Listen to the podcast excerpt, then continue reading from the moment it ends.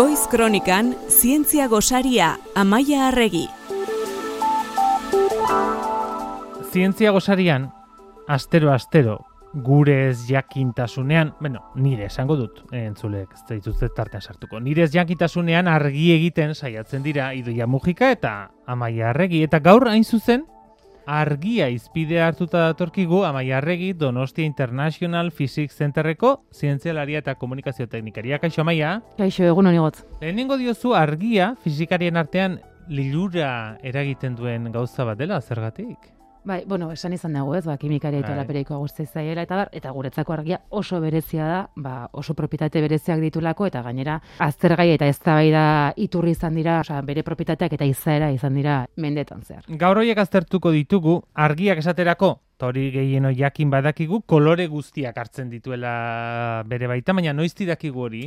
Bueno, mazazpigarren mendetik Newton izan zen e, esperimentu importanteak egin zituna argiaren inguruan, gara hartan ja bazekite lerro zuzenean bideiatzen duela gure egoeran, esango dugu nolabait, Eta berak, bueno, e, errefrakzioarekin egin zituen esperimentuak, eta gero izun esperimentu oso berezi bat, esperimentuz kruzis izena duena, eta hor bi prismara erabili zituen, argia bertatik pasa, eta argiaren koloreak zabaltzea lortu zuen. Eta, bueno, ba, hori, ba, e, aipatzeko moduko iruditzen zaiz, zeren beti, ba, gravitatearen gatikan dela famatu esaten dugu, baina argiarekin egin zituen ikerketak oso importanteak izan ziren. Ikusi zuelako argiaren baitan kolore guztiak e, zeudela, eta hori Newtoni zor e, diogu. Kontrako esperimentua egiteko, pues, disko batean pintatu ditzazkegu, hortzadarran ikusiko ditugun koloreak, eta disko horri ba, zulo batzuk egin, eta soka batekin mugitzen baldin badugu, osea, biratu arazten baldin badugu oso azkar, ba, bur, e, norrelabait urtu ingo dira koloreiek, eta kolore txure ikusiko dugu, familian egiteko oso esperimentu simplea, eta esan nahi duna. Gusten duzu hori gertatzen dela, zuk esperimentatu dezakezun zehazta da. Eta tutorialetan aurkituko duzuela. Argia uin elektromagnetikoa ere bada. Hemen bi zientzelari aipatu behar ditugu batipat, Faradaiek eremu magnetikoekin eta argiarekin egin zituen esperimentuei esker, proposatu zuen argia uin elektromagnetikoa dela, eta bere atzetik Maxwell etorri zen eta konturatu zen uin elektromagnetiko guztiek abiadura konstantean e, bidaiatzen dutela. Eta abiadura hau argiaren e, berdina dela. Gainera ez dutela propagatzeko e, mediorik behar, hau da, soinuak behar du medio bat propagatzeko, ez? Airea edo ura. Bai. Baina e, uina Argiak ez. elektromagnetikoak e, utxean e, bidaiatu dezakete e, ezagutzen dugu bezala. Orduan, esan dugu argia asko urtzegula, baina penske guretzako argia espektro elektromagnetiko guztia da, ez? Orduan, espektro elektromagnetiko guztia gustatzen zaigu. Azken batean gu baldin badukagu izar bat, e, eta izar hori ba, e, fusio termonuklearra egiten hasten baldin bada, basiko da emititzen espektro elektromagnetiko guztian zehar, ez? Ez bakarrik argi ikuskorrean. Emitituko dutu, ekisizpiak, amaizpiak, irrati guinak, eta bar, denean. Gertatzen dena da, gure atmosferan, egitako izpi batzuk edo energia e, tarte batzuk xurgatu egiten direla. Eta lurrera iristen direnak dira batipat, e, argi ikuskorra Gai, eta guk irrati ikusten guinak. ditugunak. Horregatik adibidez kontakt pelikulan ikusten dugu Jodie Fosterren nola e, radioteleskopioekin lan egiten duen lurrean, ba, lurrazalean egin dezake lana e, teleskopio horiekin argi motori iristen delako lurrazalerako. Eta teleskopio optikoak ere lurrean jarri ditzazkegu, ba, Kanaria Irletan edo Txileko Atakama basamortuan. Baina beste argi mo- mota batzuk aztertu ahal izateko, osea, unibersoa beste espektromagnetikoaren beste tarte batzutan aztertu ahal izateko, ja teleskopioak jarri barri ditugu espazioan. Esango nuke kontzeptuak pixkanaka komplikatzen goazela, kolorenekin, erresenekin hasi gara, argiaren dualitateaz ere hitz egin nahi diguzu. Argia duala da, ze esan nahi duzu horrekin? Argiaren uin eta partikula izaren inguruan korronte desberdinak egon dira historikoki. Newtonen garaia baino lehen pentsatzen zen argia uin bat zela. Bai. Baina Newtonek egin zituen esperimentuekin, esan zuten, jo, ba, seguren partikula bada, ez? Eta orduan, ba... Ez eh, da bai egon da hor, zer da Bai, argia? Gero horren ondoren, a ber, esan barra dago, gero e, emeretzigarren e, mendean, Thomas Youngek egin zuen esperimentu oso oso famatu bat, askotan esaten dela fizikako esperimenturi politena dena, Mhm. eta egin zuen izan zen argia zerrikitu batetik pasa, eta win fronte e, uniforme bat lortu, eta gero ja argi hori bi e, zerrikitutatik pasatzerakoan, bi argi iturri uniforme edukitzerakoan, ikusi zuen pantailan interferentzia sortzen zutela, eta interferentzia egoteko beharrezkoa zen win izaera edukitzea. Gainera, Maxwellek egindako e, teori ma matematikoen esperimentuen frogapena etorri zenean, pues esan zuten, bale, win Argia uina da. Ah, Bai. ah, hola esan zuten, baina esan dugu lehen duala dela. Bai, a ber, gainera aurreko programa batzutan esan dugu, Bai. argia partikula elemental bat dela eta bultzatzeko gaitasuna daukala bilar pelota batek bezala. Orduan, efektivamente, zer da partikula bat edo win bat. Ba, mila beratzen da bostean, eh, Anus Mirabilis deitu zaionean, hogeita urterekin Einsteinek bost artikulu errevoluzionario argitaratu zituen. Eta horietako batean, efektu fotoelektrikoari buruz hitz egiten zuen. Eh, Nobel saria horregatik eman Bai, ziotela. bai, hogeita iruan eman zuten horregatikan. Bueno, a, e, harritzen gaitu fisikariok zeren, hainbeste ikarorkikuntza Bai. egin zituen, ez, bueno, ba, ez dakit. Beste, igual eman ziezaioketen erratibitate orokorraren gatik, baina e, efektu fotoelektroagatik izan zen. Bueno, e, efektu fotoelektrikoan oinarritzen dira gu erabiltzen ditugu neguzki panel guztiak. Azkenean argia jasotzen dute eta elektrizitate bihurtzen dute.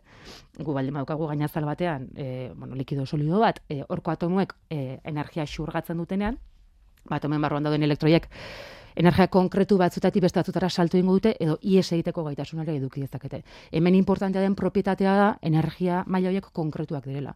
Horrek esan nahi du xurgatuko duten energia kantitatea ere konkretua dela. Horrek esan nahi du argia energia pakete batzuetan dagoela isolatua edo kuantifikatua nolabait. Eta orduan badukala partikula izaera ere. Orduan, eta partikula izaera hori bat zein da, ba, fotoiak. Fotoiak partikula elemental bat dira. Orduan, bueno, gara hartan guzti honek ere, ba, ima, imaginatuko parte eragin ez da bai da zientifiko, bueno, eta baina oso garrantzitsua izan zen, hogei garren mendeko zientziaren aurrerakuntzan ere. Eta azkenean, kontraesanik ez dagoela ulertu zen, eta esan zen, bueno, ba, argia e, partikula da, eta guina da aldi berean. Eta hori da dualitatea. Bi ezaugarri hauek osagarriak dira, eta segun zer eskatzen diogun argiari, eskatzen baldin badiogu, esperimentu bat egiten den baldin badugu, guina dela frogatzeko, ba, guin izaera erakutsiko dugu, edo guina aurpegia. Eta eta alderantziz ba partikularena. Argia xetzen ari garen honetan, ez zin amaitu argiaren abiaduraz eh, hitz egin gabe. Eta hemen ere, Einstein ezaltzen zaigu. Bai, esan dugu mila beratzen da bostean atera zituela bost e, e, artikulo e, revoluzionario horiek, eta beste artikuloetako batean erratibitate berezari buruz hitz egiten zuen. Bueno, barri buruz hitz egiteko, lehen abiezi, hitz egin dugu zein izan ziren, e, artikulu hortan egin zituen bi postulatuak. Batek dauka zer ikusia mugimenduaren erlatibo, erlatibitatearekin, ez? Adibide bat jarriko dut. Tren batean baldin bazoa zu igotz, eta tren hortan harri bat botatzen baldin badazu, zuk harri hori ikusiko duzu erorketa lehorre batean, goitik bera erortzen. Ni berriz, tren geltoki batean baldin banago, eta bueno, tren hori gardena dela suposatuz, nik ikusiko dudana da e, parabola baten eroriko dela, ez? Azkenean, trena mugitzen ari denez, mugimendu bat edukiko du horizontalik eta beste bat goitik bera gravitatearen ondorioz. Orduan galdera hor litzateke, zer ari da benetan gertatzen? Zein da harri horren benetako mugimendua? Einsteinen po- lehen amikizteko postulatuak e- esaten duena da, ez dagoela referentzia sistema absolutorik, ez dagoela behatzaile edo begi absolutorik, eta orduan beti dela erlatiboa, bo, segun nun zauden. Gu hemen gauden bezala, orain geldirik gaude, baina segun nundi beratzen dugu, espaziotik be- begiratzen baldin badugu, bueltak ematen ari gara lurraren inguruan. Zer gertatzen da? Ba, bueno, hori orokortu dezakegula materia guztiarentzat edo mugitu daiteke guztiarentzat, baina argiaren kasuan horrek ez dola horrela funtzionatzen. Argiaren kasuan, ba, berezitasun badauka. Alde batetikan, bueno, ba, Einsteinek bere burari galdetzen zen, margaren inguruan imaginatuko ezun bezala, kriston gogoetak egin zitun, eta esaten zuen, jo, zer izango litzateke, argiarekin batera, bidaiatzea eta argi izpi batean murgiltzea. Zer ikusiko nuke argizpi baten barruan murgilduko banintz? Ba, ikusiko nuke, Maxwellek esan zuen bezala, e, eremu elektromagnetiko bat, baina barruan baldin banago, elekt, eremu elektromagnetiko hori geldirik egongo da, orduan ez dauka zentzurik. Eta esan zuen, jo, ba, orduan, berak pentsatu zuen, jo, orduan ezin da argiaren abiaduran bidaiatu. Argiaren abiaduran bidaiatzeko argia izan behar da. Eta gero beste galdera zen, jo, eta argia baino azkarrago bidaiatzen baldin badet, zein, zein egoera litzateke, zer realitate litzateke hori. Zu imaginatzen baldin badezu, ari, baldin, Bai. ari gara la lurretik e, informazio bat bidaltzen argiaren bitartez, guin elektromagnetikoa da ez, informazioa bidaltzen dugu espaziora, eta azten baldin bagara bidaiatzen izpio hoien paraleloki Azkarrago? azkarrago, azkenan topatuko gera, lehenago emitituak edo igorriak izan ziren argizpekin. Horrek esan nahi du, pelikula ikusiko delu degula alderantziz.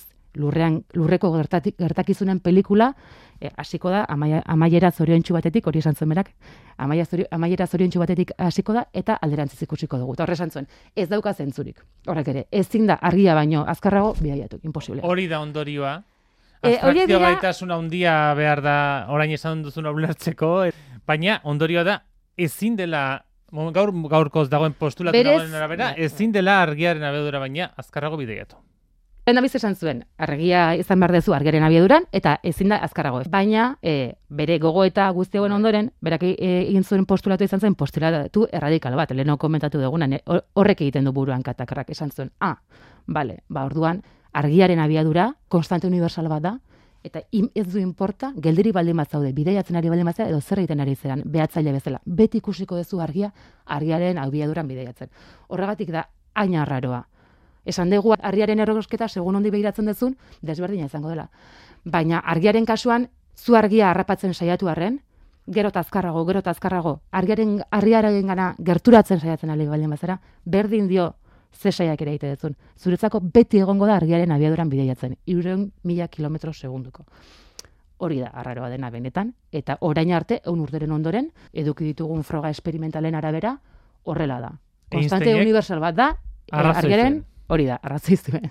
Beste saioren batean esan dugun bezala. Gaur uste dut, inoiz baino gehiago komeni dela gogoratzea, saio guztiak eite podcasten eskuragai dituzuela, eta beraz bertara jo dezakezu izan ere gaurko fisika klasea errepasatzeko modukoa da, eh? eta esan ditugun kontzeptu bakoitza barneratzen e, saiatzekoa. Nahiko zenuke beste agenda aipamen bat egin, ezta? Bai, bai, bueno, badakitira ganean duela bide doiru urtitzen, genuen hori buruz, bai. baina eske jo, iruditzen zaitu rengo astean antolatu dugun ekitaldia oso berezia dela eta gutxinez bi gauzatxo kontatzen nituzko inguruan.